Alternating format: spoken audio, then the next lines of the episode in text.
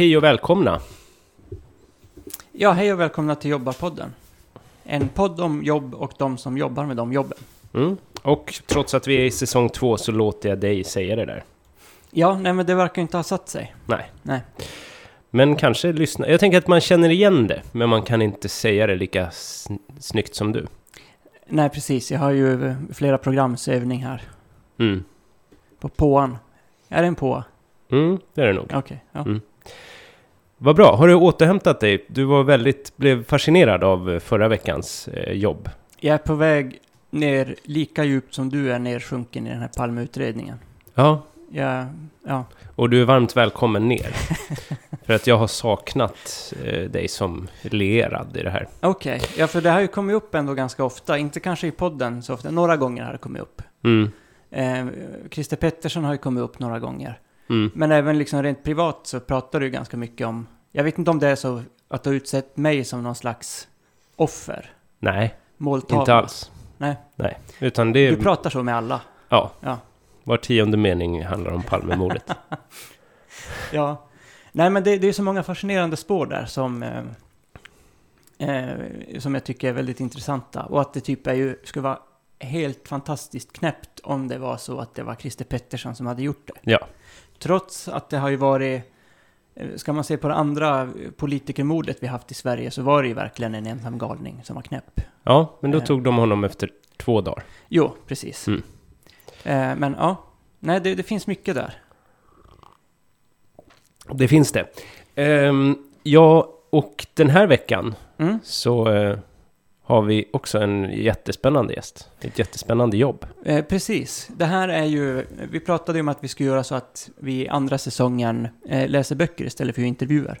Mm. Och kanske kolla film och alltså lite Mm. sånt. Mm. Eh, men nu har vi fått tag på en med, med ett väldigt särskilt ovanligt jobb. Jag tänker att det passar bra om vi ska läsa böcker. Precis. För För- det är ju en poet vi har fått Mm. tag på. Ja, och som precis har debuterat. Kan man säga att han är författare? Det kan man nog. Mm.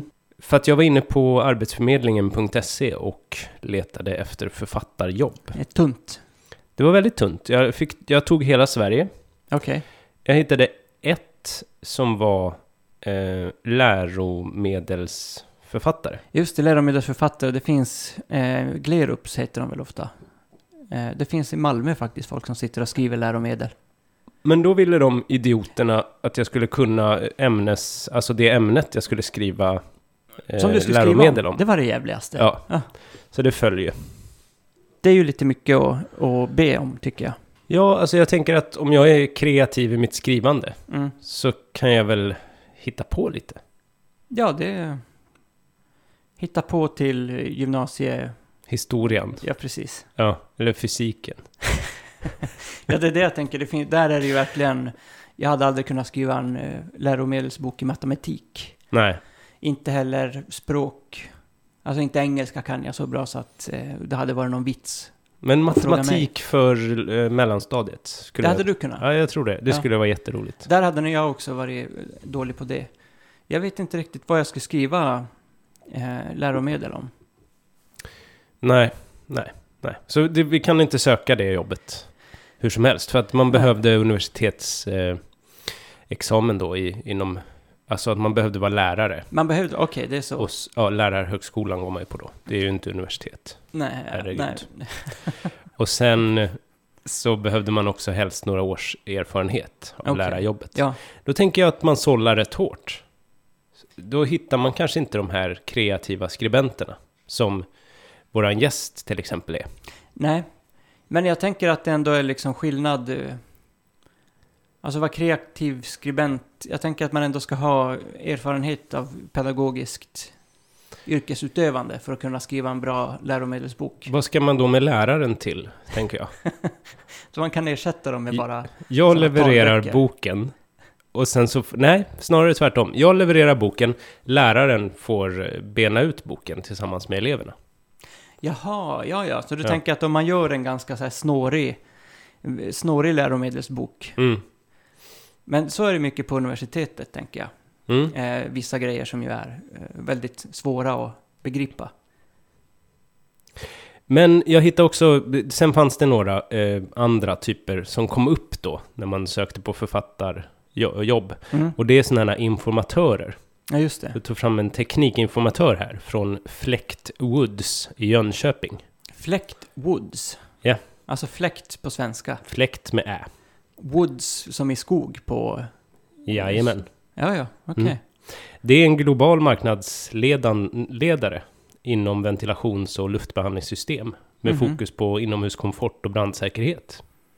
Där behöver de en författare. Ja, Eller informatör. 2300 anställda har de. Oj. Det var värst. Och ett företag man aldrig hört om. Ja, då, bli- då blir man lite orolig. Ja. Kan man inte sin eh, nutida industrihistoria, tänker man. Nej, Fläkt Woods, varför har vi inga sådana Ja. kepsar? Din roll? Du kommer att vara ansvarig för framtagning, koordinering och hantering av den tekniska dokumentationen i tryck och digitalt media gällande produkter inom air treatment, inom parentes luftbehandlingsaggregat för konventionella fastigheter och specialapplikationer. Gud vad jag förstår att de använder termen air treatment. Ja.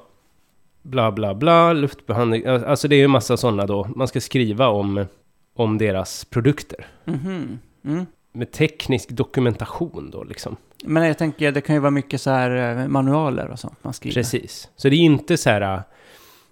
Eh, man kan hitta på en, en novell. Om, eh, Om en all- fläkt. eh, Om, Den lilla fläkten. ja, eller om... Eh, Fläktkonstruktör. kanske. Eh, Det, det är en bra idé. Okej. Erik är fläktkonstruktör. Ja, okej. ja. Och där börjar det liksom. Det är inte det. Nej. Utan man ska skriva deras tekniska eh, dokumentationer. Mm. Eller, ja precis. Inte jätte så som man tänker. Jag är författare. Författare, nej. Nej, men jag tänker att det finns ju... Jag har sett en del så reklamjobb. där det står writer. Även i då svensk kontext. Mm. Så anställer man folk som writers. Och det tror jag mycket att man gör copywriting. Okej. Eh, och ja, men kanske skriver det som kallas content. Alltså innehåll till någonting. Mm. Till reklam mycket. Alltså man ska bygga upp en story sådär. Mm. Mm. Och där finns det ju. ehm, Då är det lite mer Erik som är fläktkonstruktör. Ja, precis. Då, då, då är det den, eh, den grejen man gör. Ja. Fast Intressant. kanske inte då i en eh, novell eller en bok. Nähä. Utan, Utan mer kanske i en eh, reklamfilm eller en story. Brand eh, managing. mm, att, alltså reklamfilmsmanus typ, eller nej? Ja, eller att man liksom arbetar på ett företags profil. Mm. Zlatan kör Volvon Precis. hela vägen från eh, Paris. Så kör han över bron när det blir morgon. Ja. Den Kommer till sortens. Sverige. Ja. Vad är det att köpa, att köpa en ny Volvo Mm. nu? Mm. Den grejen. Där tror jag man kan vara anställd då som, som, som writer kanske. Okej. Men det är ju en annan sak än den vi intervjuar nu. För det här är ju... Han har, inte, Poesi. s- han har inte sålt sig till djävulen. Nej, Dr. Cosmos, det har han inte gjort. Nej. Där försvann mina möjligheter att få sådana jobb. Ja. Mm. Spännande. Men då, ja, vi får eh, helt enkelt höra hur det är att leva som poet. Ja. Jag kan säga att jag har ju lite yrkesmässig erfarenhet av eh, mer de här eh, fläkt, skriva om fläktjobb. Mm. Där jag skriver en del informationstexter om eh, biologiska biotoper och sånt där. Just det. Eh, men det är ju Mm. In, inte kreativt på samma sätt som det den här eh, David som har faktiskt skrivit en eh, poesisamling gjort. Mm. Och jag har ju skrivit politi- politiska texter. Mm. Eh, avlönat också då. Ja, Men in, det är inte heller samma sak Nej, som att få precis. sitta... Jag tänker man sitter... Det är en mörk, en mörk krog. Man tar in den andra flaskan vin. och det är en sån vin med sånt eh, bast... Eh, Ja, precis. Sån, ja, ja. Chianti eller vad den heter. Och den vita duken har små ringar där från glaset. För Ja, att man ja. har... Det första glaset drack man lite för häftigt. Ja, Mm. Eh, Jag vill bara förtydliga att det är inte Bruno Coöjer vi kommer ha intervju med här. Nej, även om det låter nej. så. det låter så om man tänker det, det är så det är att vara poet. Mm. Men det vet vi inte. Vi får, snart vet vi. Ja. Mm. Då så. Välkommen David. Tackar. Vi brukar ju köra igång, vi brukar köra med de här kortfrågorna i början. Vet inte om du har lyssnat på våran podd någonting? Jo, men nu var det länge sedan. Ja. Men eh, vi kör samma kortfrågor till alla för att få ett litet hum om hur vi skulle, om vi skulle klara av det här jobbet. Och ditt jobb har vi då valt att kalla för poet snedstreck författare. Vad tycker du om den benämningen? Ja, det, den fungerar. Ja, ja. Fryser du mycket på jobbet? Nej, Nej, för jag tänker liksom att om du, om du, om du sitter så här, om du ska skriva poesi, du kanske sitter nere vid någon kanal. Det är mörkt, det regnar, det är fyra grader varmt. Du har, eh, du måste liksom ha kragen uppe och så måste du sitta, måste liksom, ditt papper bli blött för att det regnar så mycket. Eh, och där kan det vara lite kyligt så, men det är inte så du brukar jobba. Nej, det är sällan jag skriver dikt utomhus. Senast jag kommer på det, det var, det var förra sommaren vid Sikträsket. Bortanför Malmberget, bortanför golfbanan i Malmberget. Och då var det sjukt varmt så jag brände mig också. Så då var det snarare tvärtom då, bränner du dig på jobbet? Men den, kanske, den frågan kanske kommer. Nej, nej för vi är inte, det är vi inte bekymrade över. Det skulle vi gärna göra. Men nej, man fryser ju tydligen inte. Eller behöver i alla fall inte frysa. Nej.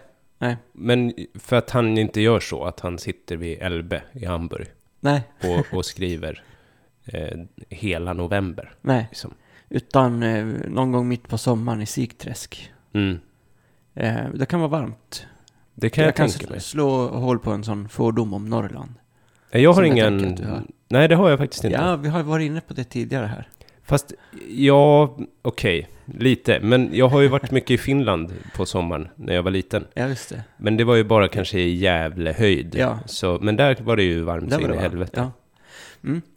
Nej, men det... ehm, Det låter ju som att man kan göra det lite till man vill. Till vad man vill, ens arbetsplats. Mm. Mm.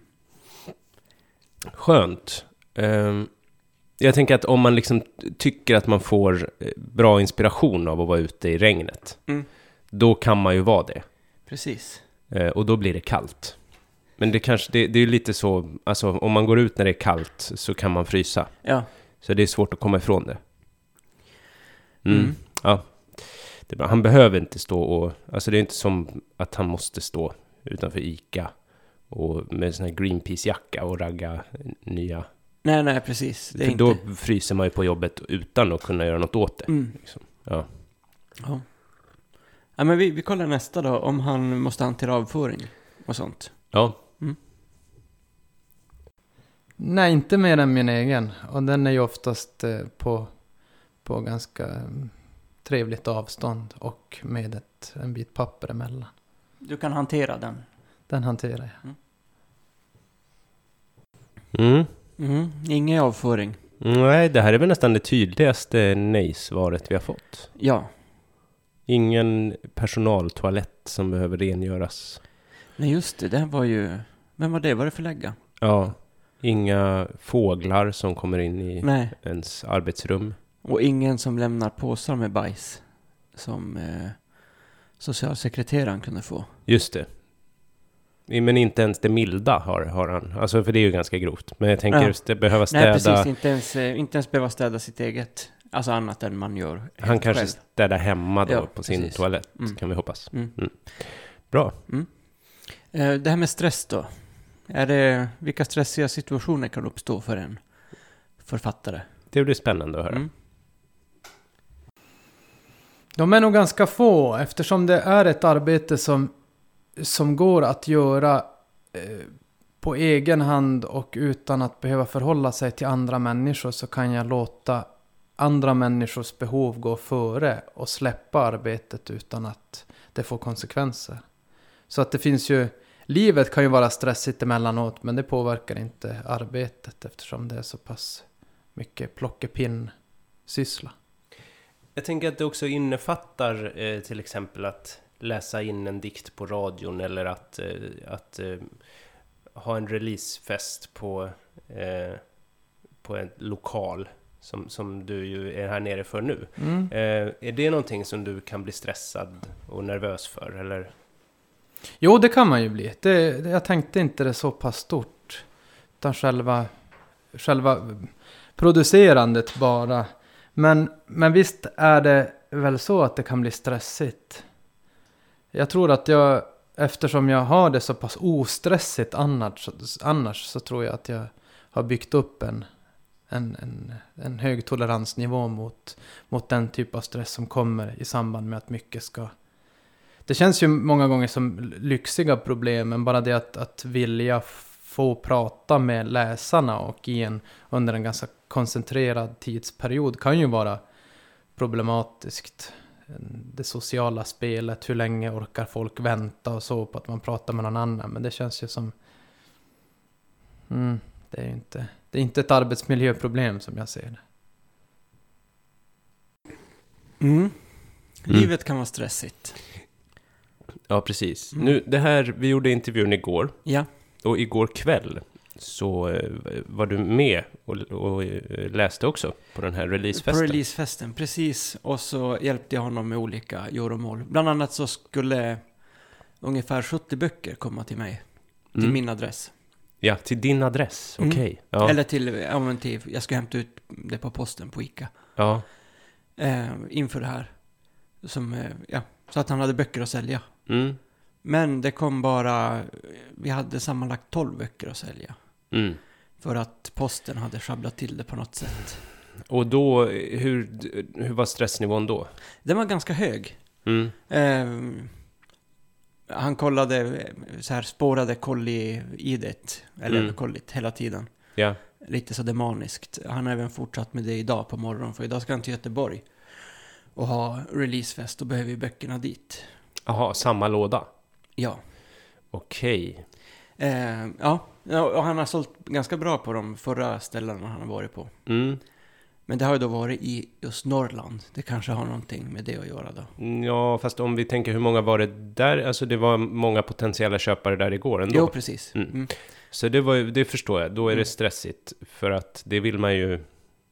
Det är inte så att man kan säga, men du kan beställa den på nätet. Och så går man hem och gör det. För- Nej, precis. Utan det kommer folk att glömma bort och inte komma sig för. Mm. mm. Mm. Ja, nej, det, så där är det ju en stress som man kanske inte räknar med. Ja, Det är typisk sån. Eh, som, ja, jättebra exempel. Mm. Usch, ja, jag blir stressad nu. Är det för att du är gammal, gammal poståkare? Ja, kanske. Nej, det tror jag inte. Jag, men jag blir arg på posten. Okej. De, man måste ju ta det på allvar. Man måste kunna lita på posten. Ja, Ja. det måste man. Han, Mm. behöv, han ska ju inte behöva ha en egen liten bil som han kör med runt i Sverige för att han inte kan lita på att man kan skicka ett paket istället för att ta med det själv i Nej, bilen. precis. Nej. För han har ju tagit tåget och det var ju jättebra gjort. Ja, det var ju bra för miljö och för Ja. allt sånt där. Mm. Då måste man räkna, kunna räkna med att paketet åker i en lastbil Mm. eh, bredvid Samtidigt. spåret. Ja. ja, snopet, jobbigt, dumt, dåligt. Ja. Stressigt. Mm. Mm. Eh, det här med auktoritet då, finns det någon sån som står över honom? Det kan jag inte tänka mig. Ja, vi får höra. Jo, det finns det väl, men... Men inte en arbetsgivare. Ja, det finns ju en arbetsgivare. Det finns ju en förläggare naturligtvis som sätter... Sätter gränserna för, för vilken typ av avans som jag kan få ut av mitt arbete. Eftersom jag har valt den vägen. Skulle jag ha tryckt min bok på ett eget förlag hade jag ju haft en helt annan typ av kontroll över, över produktionen och försäljningen. Ja, produktionen egentligen. Det är ju då förläggaren. Mm. Den som vi har intervjuat också, fast inte just den förläggaren. Nej, inte hans förläggare. Nej. Nej, men vi har intervjuat en förläggare för länge sedan. Mm. Den hade också en auktoritet som stod över den. Just det. Det tar aldrig slut det här. Men eh, på det här, jag vet hur det ser ut på det, på det här förlaget som David är utgiven på. Mm. Jag tror att det är två personer som driver det. Mhm. Så att, Mm. ja, Där tar det stopp. det är mindre verksamhet liksom. Mm. Mm. Ja, nej, men det får man väl ta då. Att någon ska lägga näsan i blöt. Ja, eh, annars så kan ju, du kan ju ut på eget förlag också. Mm, Och då får man ju liksom väga fördelar och nackdelar med det. Att ge ut på eget förlag anses ju ofta vara lite tokigt. just det. Och man kan ju ut lite tokiga grejer just eftersom att man inte har en chef som säger att ska du inte ändra på det här och så. Ja, då är det helt plötsligt fel också. Ja. Mm. Ja, ja, okej. ja Nej, du får väga det lite Mm. mot varandra. Eftersom man verkar behöva ha en, eller behöva, man verkar ha en auktoritet som står över en Mm. nästan överallt. Så får man ju ta det då. Ja. Bara. Mm. Det här med uniform. Vad Ja. tror du?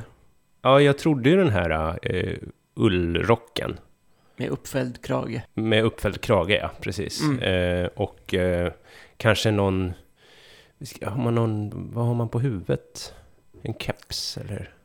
Ja, du tänker väl basker? Ja, fast det är lite väl, tänker jag. Det- Okej. Ja. Men kanske en gubbkeps Ja. och ett par snygga dojor. Mm. Det tror jag. Nej, men jag tror att det emellanåt kan vara bra. Att, att försätta sig i en, i, en, i en sorts roll kan ju vara produktivt vissa dagar. Att Nu är jag, idag är jag verkligen författare. Som den där sommardagen då jag satt ute på, på bryggan vid Sikträsket. Då kände jag ju mig som en författare, men jag hade inte på mig en uniform. Då hade jag på mig ett par shorts. Om du hade haft uniform så hade du inte bränt det lika mycket. Det är sant. Mm. Ja, jag förstår. Om han hade haft uniform, det är lite som om han hade haft stämpelklocka. Mm. Att han hade känt att nu är jag författare. Och så går han all in liksom. Ja. Det skulle kunna underlätta. För du har arbetskläder på ditt jobb. Ja. Jag har det på mitt vårdjobb. Jag hade ganska nyligen börjat använda dem. Jag vet inte, så här i efterhand fattar jag inte varför jag inte gjort det tidigare. Nej, Eh, jag gillar det. mm. Och, men det blir ju lite konstigt om man har det hemma kanske, om man jobbar hemma. Mm. Men det kan bli så att man annars börjar diska och städa och eh, göra massa annat. Betala Ja. räkningar. När jag har så här frilansat hemifrån så då, då har jag ju inte på mig några speciella kläder. Nej, Då är det ofta just shorts. klarar du det då? Ja, alltså det hade nog egentligen varit bättre att tänka sig att man tar på sig någon så här kostym. Mm. Det, är väl därför, Tjänstemannakostymen liksom. det är väl därför det är så många frilansande som så fort det går lite bättre så skaffar de en lokal. Mm, För då jo, går de till sitt jobb. jo, men liksom. precis. mm. Eh, så är det, jag fattar verkligen vitsen med det. Även om det handlar om att man sitter och läser olika manus och redigerar lite text och sånt där. Som man lika gärna hade kunnat göra hemma vid köksbordet. Jo, Mm. men det är mycket lättare att bara avbryta sig själv. Mm. Men det handlar ju kanske mer om egentligen arbetsplats. Men arbetskläder eller uniform är ju en del av arbetsplatsen. Mm. Mm. Mm. Ja, okej, men han slipper det. Nu Mm. pratar vi om uniform som om det vore något bra. Det har vi ju aldrig gjort förut. Nej. Det här är något nytt. Det här är... Nu tycker vi helt plötsligt att det är jättebra. Ja. Mm. Gött. Mm. Eh, men vi kommer in på det här med arbetsplats. Har han någon fysisk Just arbetsplats? Mm. Och får han lämna den när han vill? Nej, inte i nuläget har jag ingen fysisk arbetsplats. Men jag brukar, eller ja, på sätt och vis. Jag använder mm, kontoret, vårt kansli, Vänsterpartiets kansli som arbetsplats. Vi har en administratör som jobbar halvtid. Så jag brukar gå och prata med henne om det är någonting som ska hanteras gällande partiföreningen. Och sen när hon går hem efter lunch så brukar jag använda lokalen för att skriva och göra ärenden. Ja, så han har en lokal som Mm. han kan låna lite. Mm. Ja, och det det, verkar ju vara samma anledning som man då skulle ha en uniform. Ja. Det blir lite lättare. och inte pilla med allt annat liksom. Ja. Mm. Och känna att man är på jobb. Mm. Ja, jag förstår det. Vad har vi mer? Ja, det är det här om man vill byta jobb. Mm. Tror du, vill man byta bort ett författarjobb? Aldrig i livet. Okej. Vi hör vad han säger. Mm. Ja, jag byter jobb nästan hela tiden eftersom jag inte är heltidsarvoderad författare. Alltså jag, jag växlar ju mellan, mellan allt ifrån att sitta bakom kassan på ICA och till att lära äldre och unga att spela gitarr. Så det, och det trivs jag med. Författandet kanske kommer att bli min huvudsakliga sy syssla i och med boksläppet. Men tills dess så, så tror jag att, att uh, du som författare måste vara beredd på att hanka dig fram på genom andra tillfälliga anställningar. Ja, Ja, pengarna kommer från annat håll. Från Ja. andra jobb. precis. Det var ju fan. Så han, han, man kan inte säga att han vill byta jobb, Nej, men han byter jobb. precis. Det är ungefär som vi, när vi, att vi poddar. Det skulle ju vara kul att jobba med, Mm, det hade Ja. varit roligt. göra radio. Ja. Men vi jobbar med annat för Ja. att eh, få det att gå ihop. Mm. I och för sig inte riktigt som vi, för vi tjänar ju noll då. På, på det här med poddandet, ja. Ja, Mm. men jag förstår ändå mm, lite hur det kan vara. Ja. Jo, jag, jag känner igen det här. Eh, jag jobbar ju på i alla fall två jobb. Mm, Ehm, jag med. mm. Ja, nej men det, så är det. Men jag, han var ändå inte helt sugen på att jobba heltid, alltid med skrivandet.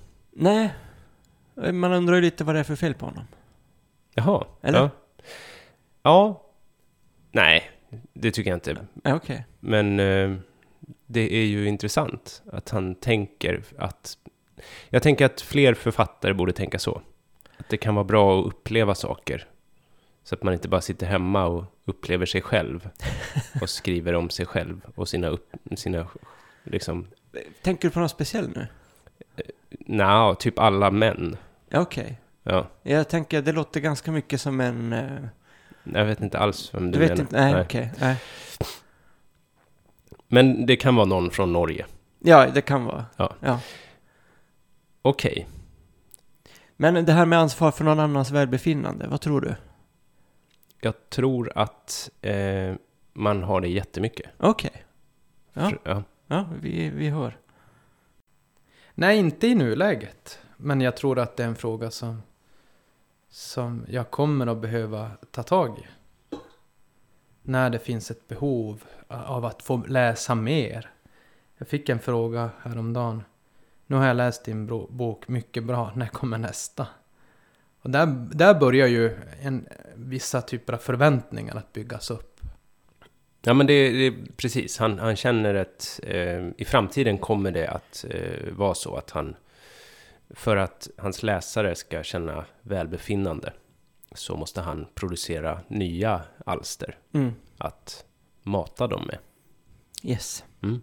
Är Sympatiskt. Det, det är det ju. Tänk att det också kan senare bli stressande.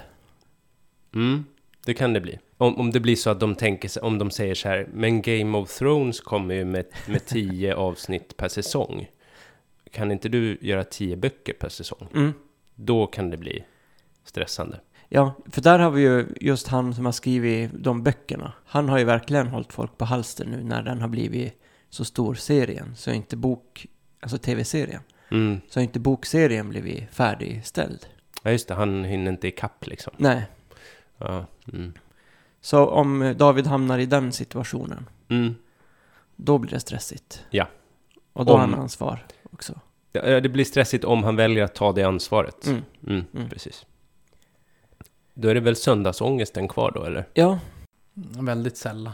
Jag har ju inte något, något, någon tid att passa på måndagsmorgonen. Så inte vanligtvis, ibland händer det väl. Men jag bruk, det är så sällan så jag brukar kunna jag brukar kunna acceptera mitt öde. Att ja, men just den här måndagen så måste jag vara uppe klockan halv åtta. Nej, ingen söndagsångest. Nej. Han verkar inte vara en sån person heller. nej. Så det kanske är lite... Men jag tänker att om jag skulle få bli författare, Mm. då skulle man ju kanske inte ha... Alltså, söndag är ju inte söndag riktigt. På samma sätt som när man måste gå till jobbet måndag morgon. Precis. Man kanske har jobbat söndag kväll också. Alltså, dagarna går lite ihop. Tillvaron bara ett enda, en binindränkt dimma. Just det. Ja, eller något annat. Någon annan typ av dimma. Ja, Man behöver inte ta droger för att man är författare. nej. Men, ja. Mm, nej, men jag förstår. Mm. Nej, jag, jag tycker det låter som att eh, han trivs på jobbet. Det gör det. Och jag tycker också det låter som om både du och jag skulle kunna trivas på det jobbet. Ja. Än så länge. Nu ska vi ju gå lite djupare in i, i vad det här innebär. Mm. Jag, jag eh, satt och kollade lite på eh, ams.se innan och letade efter författarjobb eh, på, hos Arbetsförmedlingen. Det fanns ett som var att man skulle skriva läromedel och sen så fanns det några som var så här att man skulle skriva teknisk produktinformation för olika typer av, av industriverksamheter. Eh, hur känner du där? Är det någonting som du tänker så här om, jag, om, om i väntan på att fler och fler ska upptäcka min mitt eget alster så kan jag skriva produktinformation för industriverksamheter. Jag har aldrig tänkt på det. Eller jo, det har jag nog kanske säkert gjort någon gång. Jag tror att jag är rätt tillfreds med att hoppa runt på olika mindre anställningar så att jag inte behöver använda mig av, av språket och mitt, min, min förmåga att författa texter i samma utsträckning som, som jag hade behövt om jag hade tagit en, en sån anställning. Jag, jag tycker inte att det är sådär fasligt roligt att skriva och leka med ord hela tiden. Och jag skulle ju bli tvungen att, att jobba mycket mer med orden och vad de betyder och hur de ska sättas samman och fundera mycket mer kring det. Om jag hade jobbat med text på sån daglig basis. Nu har jag ett, ett friare förhållningssätt till, till, till orden. Så. Nej, jag skulle nog inte i nuläget vilja ha en sån anställning. Lite sådär. Ja, han verkar inte vara pigg på att sitta och skriva de här fläktmanualerna. Nej, och det förstår jag. Men han var inte helt emot det heller. Nej, och jag vet han har jobbat som eh, journalist en del. Ja, Ehm, Men jag har också tänkt på det där att det, det är rätt många journalister som ändå skriver böcker. ja, Och jag tänker att om man sitter och är reporter verkligen och pressar ur sig text hela dagarna. mm. eh, Så ska jag tycka att det var rätt jobbigt att man sen går hem och fortsätter med samma sak. Mm. Det, det kan det vara. Det kan också vara så att man ändå skriver, så att man skriver bara, skriver, skriver, skriver. Man bara hamrar på. Ja, och annars så jobbar man med något annat som man inte skriver och då Mm. blir det svårare att komma in i skrivandet när man väl kommer hem. Ja. Eh, ja, vi, det, så kan det vara. Men det, det var ju ändå... Jag förstår honom. Ja. Det känns inte så författarigt att sitta och skriva om eh, fläktsystem. så han var inne på vår linje Ja. lite. Mm. Och sen så... Vad var det vi frågade sen? Jag tänkte det här med att förläggaren på något sätt är en chef ändå. Mm. Och att det kan ju vara lite känsligt. Ska Man- jag tycka. Ja, ja, när man ska in och pilla i, i texten. Ja. Så det här har du suttit med i fem år. Men du måste ändra på det här för det här är inte tillräckligt bra. Ja, precis. Att det är lite annat, tänker jag, än att man har någon chef som säger de här stolarna måste du flytta från den här sidan av rummet till den där. Ja, jo det är det ju. Eller? Jo, men så är det ju, absolut. Man går ju in i någons, i, i någons konstnärliga arbete Mm. och, och pillar. Mm. Ja, men det, det är tungt. Ja, vi hör vad han säger om det. Ja, ja, nu är det ju ett litet förlag som jag ligger på. Ett litet förlag har ju följaktligen också mindre resurser och kanske inte har möjlighet att lägga över lektörsarbetet på, på någon annan på samma sätt. Så, så min förläggare Anders har ju varit både förläggare och lektör. Samt vän allt eftersom. Så att det blir ju en ganska speciell relation. Jag ser ju inte Anders som min chef, även om, om han i viss mån är det naturligtvis. Men den typen av relation vi har har ju också gjort, tror jag, att, att manuset är relativt oredigerat. Vissa, vissa saker har jag ju skrivit om, men det är ingen sån fullständig omarbetning. Och sen har de saker som, som gjorts om, har ofta kommit från mig i samspråk med med Anders. Inte så att han har sagt att ja, det här ska du skriva om. Utan han har sagt, kanske smart, att tänk på det här. Vilket har planterat ett frö hos mig. som gjort att jag läst texten på ett annat sätt i relation till de andra texterna och sett att ja, nej men det här funkar inte. Nu skriver jag lite grann så här, eller jag lägger den där texten före den så att det blir som en annan typ av betydelse eller läsning. Så den är ganska minimal ändå upplever jag. Men det är kanske om några år så, så kanske jag kommer ihåg mera. Mm. Verkar ett bra chefskap. Ja, den chefen som eh, våran gäst har Mm. verkar vara väldigt gemytlig. Ja. Och inte gå in och hugga med, med yxan i texten. Nej, precis. Så, så att det, och det är nog viktigt. Kanske speciellt om man är debutant. Ja, det, det kan jag nog tänka mig. Jag tror man blir lite luttrad sen om man... Ja, och kan, luttrad och samtidigt med lite mer eh, självförtroende och skinn på näsan. Mm. Så att man kanske förstår att om någon säger att du måste stryka allt det här Mm. så kan man säga emot. För det kanske man inte vågar om det är första gången. Då kanske man bara okej. Men sen kanske man, ja fast då skulle jag vilja skriva om det. Mm. Ja, ja nej, det verkar knepigt det där. Jag, jag- det där blir jag nervös för. Du blir det? Ja, men eh, ja, det är ändå saker som överväger.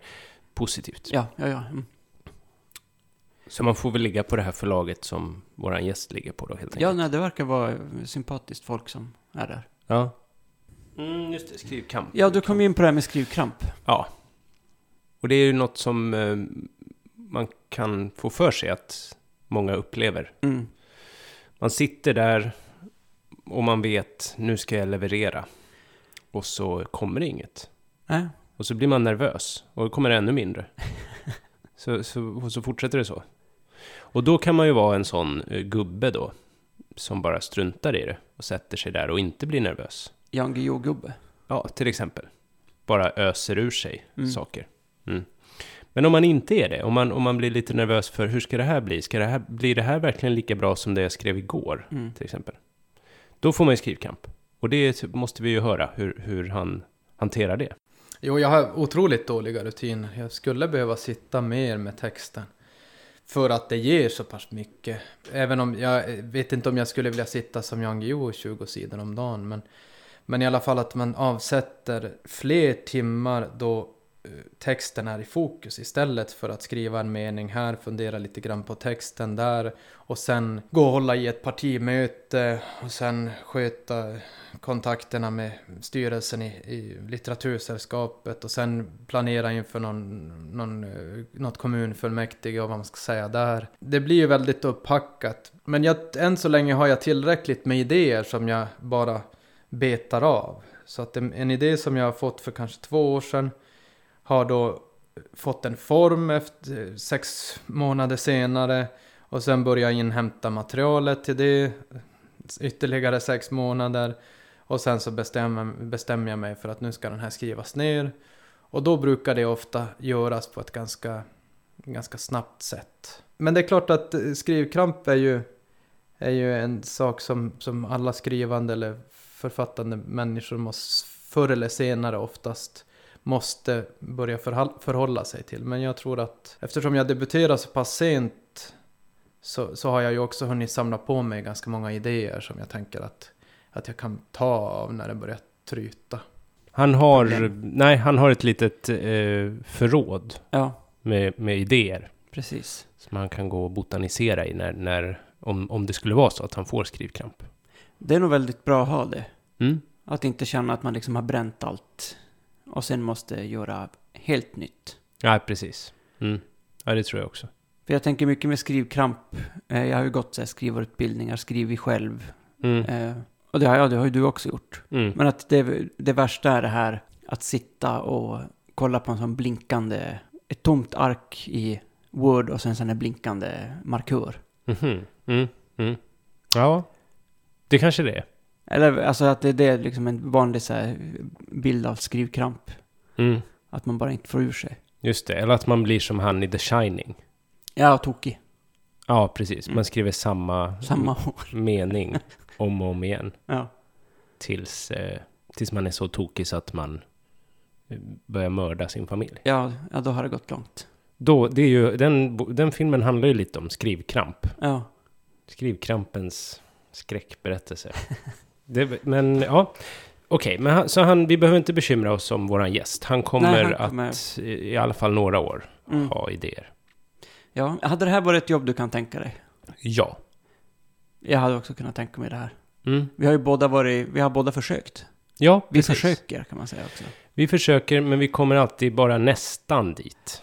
Ja, precis. Man, eh, tack, men det här var bra, men nej, Mm. inte riktigt. Om du ändrar det här och det här och det här och det här och det här, så kanske det blir bra. Mm. Det är ju en mängd text du skrivit. Orden finns ju där, men de är i fel ordning. Just det, Mm. precis. Och det är ju det här med, eh, det var ju det som jag tänk, vi tänkte att vi kunde snacka lite om på slutet här. Mm. Det här med att nästan komma fram. Nästan nå fram. Mm. nästan bli vald. Om man söker ett jobb och så får man gå på intervju. Man kanske får gå på en andra intervju. Ja, ja, just det. Eh, och sen så ringer de och man hör så här, det är nu jag ska få reda på det här. Vad har personen för röst? Ja, ja, är det ja. ett ja eller ett nej? Har du, kan du känna liksom, Nej, hör du det nu? nej, Nej. jag har ingen Du aning. har inte lärt dig? Nej. Och för att nästan alltid så är det, men ja, du var jättebra, men du kom tvåa. Ja. Och så har det varit fem, sex gånger för mig. Så pass? Ja. Ja, det, Det- nej, det trodde jag faktiskt inte att det var så, eh, så, mycket tvåa. Jo, så är det. Jag tänkte det var två- Och- två gånger. Och då tänker jag liksom, vad hade hänt om, du vet, man har börjat tänka så här, om jag får jobbet, då kommer jag kanske kunna betala mina räkningar. Ja, oj. En Ja. Jättebra grej. Mm. Och jag kanske kommer kunna göra det här och det här liksom. Och du kommer Och kunna det- spara pengar. Mm. Och allt Och det, sånt där. man målar liksom upp en bild av ett liv. Ja. Så man tänker så här, det här kan bli nu. Men sen blir det inte. Undrar om det skulle bli så, om, om, man liksom, om det verkligen blev att man blev etta istället. ja, att du istället för att titta i IKEA-katalogen bara hade kollat i Mio-katalogen istället. Just det. Och, och liksom ringat in istället för att bara kolla så här, hur bygger man en sån där? Med, med lite hittade MDF-skivor. Det behöver man inte göra. Men eh, precis. Nej, men så, så det, det tycker jag är störigt. Att Mm. man, för att jag har så lätt att, att måla upp bilder om hur det kan bli. Eh, och när man då näst, när man vet att nu är det två, tre kvar kanske. Och någon kommer få det här. Då börjar man gärna, gärna, så här, eh, gärna måla upp bilden av, av hur gött det skulle vara. Ja. liksom. Och sen kanske det inte skulle vara det. Då tänker jag mest bara på lönen oftast. Mm, just det. Man tänker ju inte så här jättemycket på hur det skulle vara att, att gå till det jobbet varje dag i resten av sitt liv. Nej. Det är också det. Att om jag har ju fått jobb, men jag har ju inte stannat där resten av mitt liv. Nej. Jag skulle ju ha kunnat stanna där då, och då hade jag ju haft det jobbet hela tiden. Mm. Så det är lite dubbelt. Ja, men jag tänker att bara för att man kommer etta och får ett jobb så betyder inte det att man måste stanna. Nej, men precis, det är det Ja, jag menar. Att mm. den bilden man målar upp, eller jag målar upp, Ja, den kanske inte stämmer för att efter ett halvår så har jag tröttnat. ja. Så det är svårt. Men det jo- jobbigaste är ändå det som jag liksom tänkt att jag vill ta upp här med dig, som, eftersom vi är hobby-SEO-konsulenter. Det är hur fan tar man det liksom? Hur blir man inte knäpp av att komma tvåa?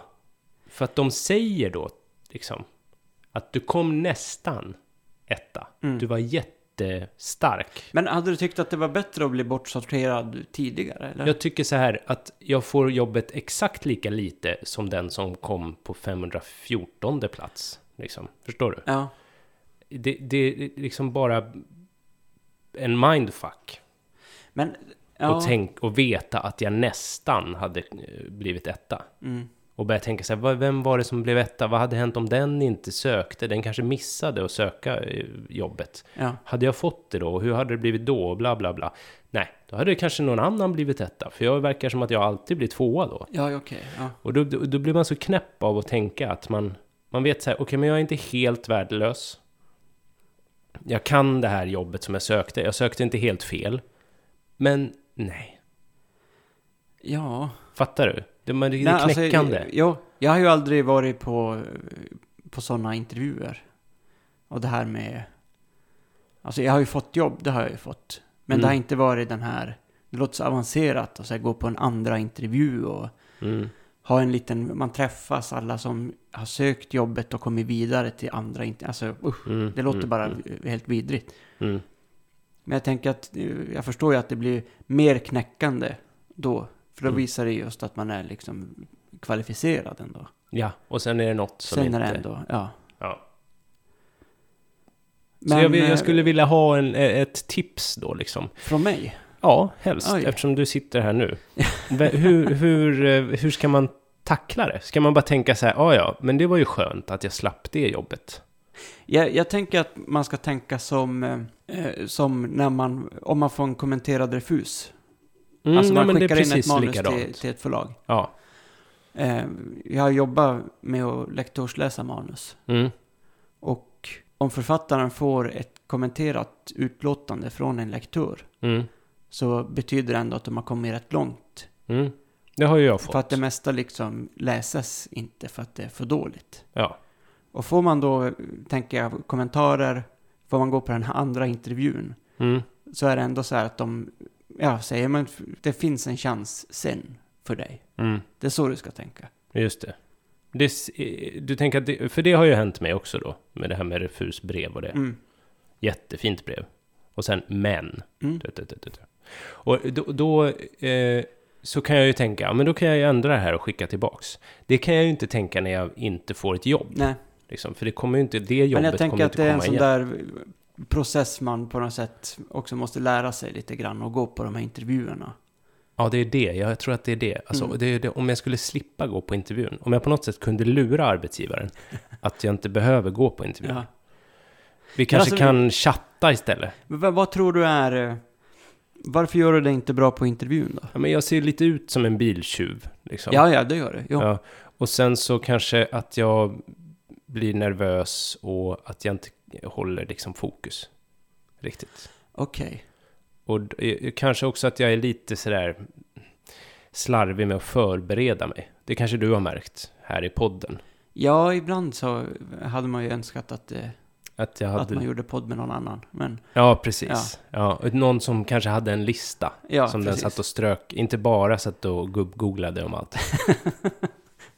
Men så nu hör ni. Nu, då kanske jag kommer tvåa då. Nu kanske någon hör av sig då till Olle. Ja, och vill göra podden med Olle. Och då kommer jag komma tvåa igen. Då kommer du säga till mig, tyvärr. Alltså du är jättebra. Du, har, du brukar säga att jag har en Christian Lok-röst. ja, jo, det har du Och det, och det är det som är bra. Men, och sen resten då. Ja. Ja. Mm. ja men det, det, är någon intresserad så är det bara att... Så att Ja. man kan säga att jag tog upp det här. Eh, det kommer bli att jag grävde min egen grav. Precis. Mm. Då, det, jag tror att de orden får avsluta den här veckan. Mm. Fan. Men jag tänker, vi kan ju även avsluta lite positivt. Jaha. Så Ja. jag tänker att man, eh, man kan ändå tänka på den här eh, Doggy Doggelito eller Latin Kings. Jobba hårt min vän, cashen kommer sen. Ja, jag vet, okej. Ja, Jag ska försöka. tänk så. Tack så mycket. Vi hörs nästa vecka. Mm.